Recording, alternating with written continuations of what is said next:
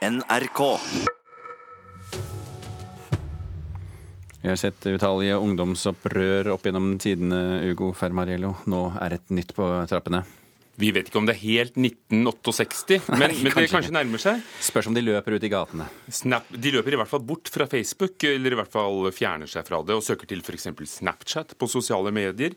Og kanskje vil Snapchat bli større enn Facebook, vise prognosene fra USA hvor det ofte begynner. Forskning derimot gjort i Norge kan gi et svar på hvorfor dette skjer, og det viser seg at unge folk ønsker seg mer privatliv enn voksne gjør når de er på nettet. Jeg tok av reguleringen min for eh, fire måneder siden. Og da tok hun bilde av meg og skrev 'Endelig har godjenta tatt av reguleringen'. Men er det noe du ville lagt ut på Facebook sjøl? Nei, det ville jeg lagt ut på Instagram. Men jeg, men jeg tok jo en bilde, et bilde på Snap første, eh, første sekund jeg gikk ut av den eh, tannlegedøren. Det sier 17 år gamle Victoria Ringen. Hun er bevisst på hva hun legger ut på hvilke medier. Ny forskning fra Universitetet i Oslo viser at ungdom ønsker mer privatliv og søker etter flere lukkede rom på sosiale medier. Facebook bruker jeg jo egentlig bare til å snakke med folk. Legger ikke ut noe der. De ønsker å skape rom hvor de kan skape tilhørighet og nærhet og, og, og ha det bra i. Det sier forsker ved Universitetet i Oslo, Linn Preutz. Sammen med to andre forskere i psykologi har hun dybdeintervjua 24 ungdommer om sosiale medier.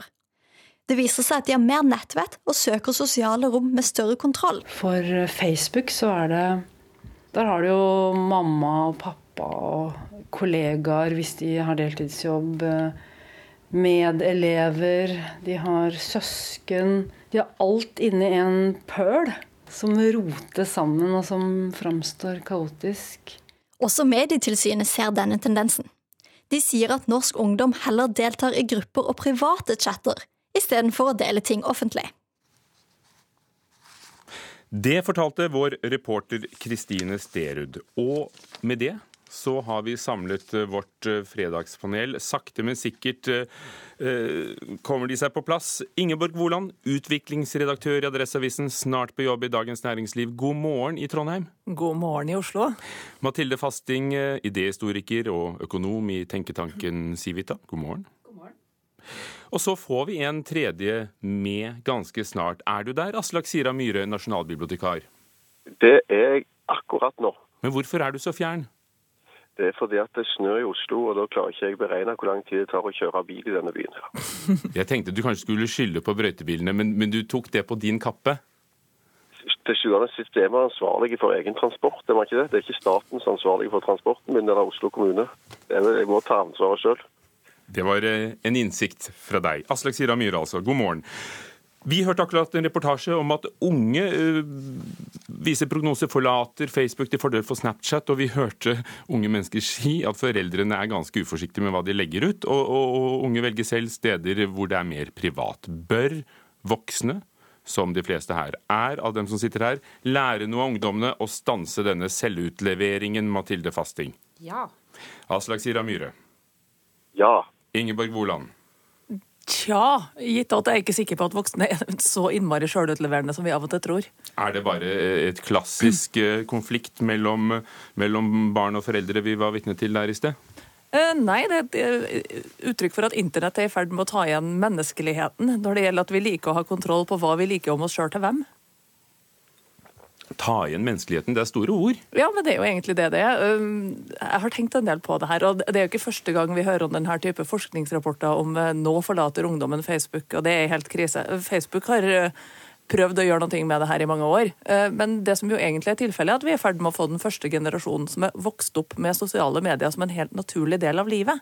Og da kommer vi litt tilbake til det her liksom grunnleggende sosiologiske behovet, da. For å vise noe til mamma, og noe til vennene, og noe til sjefen. Det er ingen av oss som har noen arenaer i verden hvor vi fremstår med helt lik utgave av oss sjøl til alle andre. Helt til Facebook kom og tulla det til, til oss for sånn snart 15 år siden. Mathilde Fasting?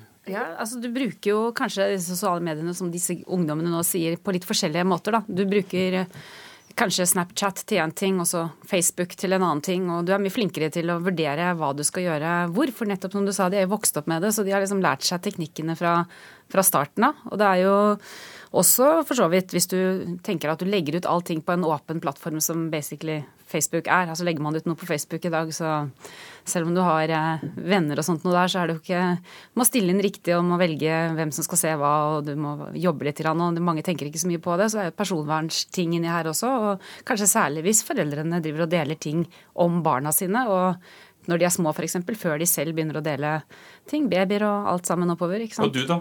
Ja, jeg er veldig nøye, for jeg hadde barn som vokste opp med det her, og de var så strenge at jeg eh, de, vi snakket mye om det, de var kjemperedde før de kom på Facebook og ville ikke, var veldig bekymret. Så de har hatt det med seg lenge, og da tenkte jeg ja, det skal jeg også. Aslak Sira Myhre, er du uvøren? Nei, jeg tror ikke jeg er spesielt uvøren, men jeg tror vi snakker om to ulike ting. For det ene er at eh, de som er 20, for ikke å si 15, og de mestrer sosiale medier mye bedre enn sine foreldre, for ikke å snakke om sine besteforeldre. eh, og dermed så kan de lese det sosialt. Altså De kan lese det som et sosialt kart på samme måte som vi vil lese at alt fra et klasserom til en arbeidsplass til et idrettslag til en fotballtribune eller til hva som helst. Men vi er ikke i stand til å lese det sosiale kartet, og foreldrene er ikke i stand til å lese det sosiale kartet på, på sosiale medier på samme måte. Men jeg nekter å tro på at egentlig at de voksne eller foreldrene er mer selvutleverende som sådan eh, enn ungdommen. Det tror jeg ikke stemmer. Jeg tror det er ulike måter å gjøre det på. Og Hvis man først tar på en måte et oppgjør med selvutlevering, at alt deles, så er det neste steget som jeg syns er vel så bekymringsfullt, det er den selvpresentasjonen eh, av selvframstillingen som sosiale medier har medført seg at det har blitt mye mer av. Altså det at man alltid eh, framstille seg selv for et publikum. Eh, og Der tror jeg nok dessverre ikke at ungdom har det bedre eller lettere enn voksne. Jeg tror den sjølutleveringen som voksne gjør, er klossete. Mens den selvframstillingen som Instagram, Snapchat, eh, til dels Facebook eh, skaper, eller et redskap for blant ungdom, det er et mye større problem enn om noen legger ut litt for mye. Du humrer du, Ingeborg? Jo, for Jeg er ganske enig, eh, og jeg syns det er morsomt å se på forskjellen mellom hvordan den samme ungdommen vil framstille seg sjøl på Instagram og Snapchat. For så vidt også den samme voksne. Jeg tror jeg er skyldig i det sjøl av og til. Fortell, Er det to forskjellige? Er det scene én og scene to? Eh, det er offentlig og privat, om du vil. Eller backstage og frontstage. Eh, det er det som skal vises til hele verden, versus det som skal vises til din beste venninne. Men de jo, altså disse, disse, ungdommene er jo da veldig bevisste. De, så de, de, bruker jo i hvert fall, om ikke annet så viser jo det innslaget at uh, ungdommene tenker i hvert fall enda mer igjennom hvordan de legger ut og hva de legger ut. Og det kan jo for så vidt både være positivt og negativt. Og nå dro jo dere fram noen negative sider ved det. De er jo på sosiale medier hele tiden, stort sett. Bortsett fra at de kanskje ikke er på de sosiale mediene hele tiden hvor foreldrene er. Og det er jo det som kommer fram. Nå skulle vi gjerne hatt noen under 20 her, men hvis de er så bevisst, er det kanskje ikke så farlig å legge bilde av tissen sin, da, så lenge det er sin ens egen? Det tror er farlig uansett. Hva sier du? Aslak? Jeg, tror, jeg tror at det farlige er en ting å vise bilder av tissen sin, og de, de gjør sikkert det òg, men poenget her er at det er jævlig slitsomt å alltid bli sett på og alltid framstille seg sjøl på en scene. Og jeg tror ennå ikke vi ser konsekvensen av den på en måte manglende freden og roen da, som sosiale medier skaper. Det at du alltid skal framstå på en måte for noen andre, at du lærer deg opp til det. Jeg merker det i jobbintervjuer, jeg merker når jeg snakker med folk, at man har fått et enormt fokus på hvordan man blir sett. Jeg er slik, jeg er slik, jeg ser meg slik, slik er jeg. Eh, og det tror jeg eh, For det så tror jeg det er usunt for folk, men jeg tror det er usunt for samfunnet. Jeg tror ikke det jeg tror ikke vi skal gå rundt og tenke hele veien på hvordan folk ser oss. Og Da er det lett å si at man bare skal skru av, men nå, nå må jeg skru av om dette temaet her, Aslak Sira Myhre, for vi skal videre. Ane Dahl Torp, kjent skuespiller, spiller trøndersk fotballtrener i den nye TV-serien Heimebane, og hun trener et herrelag. Jeg har veldig trua på at vi kan eh, skape noe positivt. At vi kan eh, ja, jobbe sammen, sjøl om det kommer til å bli forandringer. Hva tenker du da? Forandringer? Nei, Vi skal f.eks. gå over til en ganske lavtliggende 5-2-2-1, som er en ganske annen måte Unnskyld, å tenke på. En, fem, fem i forsvar? Ja. Veldig mange så dette her, gikk på, begynte på NRK1 eh, nå denne uken. Høylytt debatt har det vært, ikke bare om hvorfor det ikke er flere kvinner som er trenere, men også om dagens spørsmål. Er Ane Dahl Torp troverdig som trønder, Aslak Sira Myhre? Altså, Der er, har jeg jo et problem. fordi at eh, Jeg syns jo ingen trøndere er troverdige som trøndere. Eh, Det er vanskelig å skjønne hva de sier alle sammen. Og jeg er ikke trønder, så jeg eier ikke den dialekten. Så jeg kan jo ikke si Det kan godt være at det finnes en rar utart av trønderdialekt hvor man sier 'selvfølgelig', men samtidig prøver å si 'ikke'. Eh, Det er, det er mulig, men jeg vet ikke om det. Så for meg framsto det som ikke troverdig. Mathilde Fasting. Korte svar nei. Men nå får du ordet, Ingeborg Woland, fordi du er trønder. Ja, som panelets trønder så vil jeg si vet du hva, det her er slett ikke verst. Eh, Men samtidig så kan du stille det spørsmålet i en hvilken som helst forsamling i Trondheim denne uka og sette i gang en kjempedebatt. Du jobber jo i Adresseavisen. Eh, Hvordan arter det seg? Eh, Diskusjonen eller det trønderske språket? Diskusjonen og hvor opptatt er dere av dette? Eh, Det vekker mye engasjement. Det er ikke sånn at vi har drevet og skrevet mye om det, det har vi ikke. Eh, Men det er selvfølgelig et tema som opptar folk i Trøndelag som hører på det. På samme måte som Sunnmørsposten nok har latt seg opprøre mer over sunnmørsken til Bjarte Hjelmeland i samme serie. Eh, Vi har jo kompetanse til å vurdere det. Som en person som har bodd i litt forskjellige deler av landet, så vil jeg si at det, det finnes veldig mange måter å snakke trøndersk på. Anedal Ane Dahl Torp eh, er ganske nær noen ting som ligner på en dialekt fra litt utenfor Trondheim. Eh, og så tror jeg også vi som er i Trøndelag, snakker trøndersk på så mange forskjellige måter. Jeg har en kollega som er politisk redaktør, som født og oppvokst i Namdalen, og sier 'jeg'. Men egentlig så er det jo ikke så veldig viktig, så lenge du ikke begynner å henge deg opp i hva, hvordan hun snakker. Med en gang du glemmer det, så, så er det jo serien og det at hun er trener i en mannsdominert verden og de tingene der som egentlig betyr noen ting i serien der sånn. Men, men det er klart at hvis du, hvis du føler virkelig at hun ikke snakker trøndersk på riktig måte, så kan det bli en hangup som gjør at du bare rett og slett kutter og, og ser på. Du blir sliten av å høre på det hvis du er så opptatt av hvordan hun skal snakke riktig. Men jeg vil tippe at etter en liten stund å sette på serien, så er det ikke så farlig om hun snakker helt riktig eller ikke. Og da er spørsmålet mitt til deg, Fasting. Er det sånn at hun er troverdig som en uh, ung kvinne som kommer inn i en herregarderobe og skal få noe ut av gutta? Ja, det høres jo sånn ut på kritikken i hvert fall. Jeg har ikke sett eh, serien, men den har fått veldig god mottakelse. Og de få klippene jeg har sett, det ser ut som hun går inn for rollen med liv og lyst. Aslag? Hun eh, legger om til altså Strillo spilte 5-4-1, og hun vil spille 5-2-2-1, som jeg er litt usikker på hva er. Men det er en eh, ganske originale formasjon hun kom inn i garderoben med.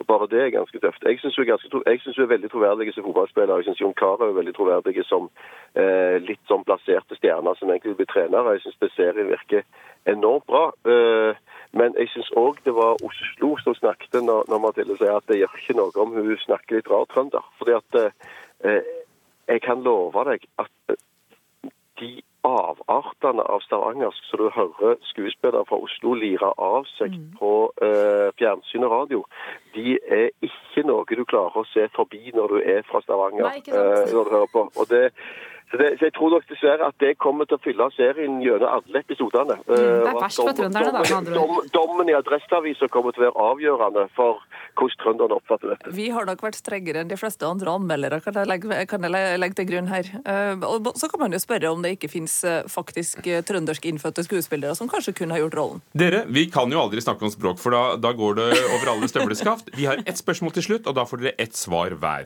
Oscar-statuettene ble delt ut i Los Angeles denne uken, og Frances McDormand ble beste kvinnelige hovedrolle, og hun ba alle kvinner i salen reise seg. If I may be so honored to have all the female nominees in every category stand with me in this room tonight, the actors, Meryl, if you do it, everybody else will. Come on. Og Mary Streep reiste seg. Spørsmålet dere alle får et svar på, er det å reise seg under Oscar eller stille i sorte kjoler under Golden Globe. Vil dette forandre bransjene? Mathilde Fasting. Ja, de har makt, så det kan de godt klare å gjøre med den symbolhandlingen. Og flere symbolhandlinger og mange symbolhandlinger, og så handling etter hvert når, de, når teppet er gått ned og de må begynne å jobbe på dagtid. Ingeborg Woland. Nei, hvis det er bare det de gjør. Ja, hvis de gjør mer.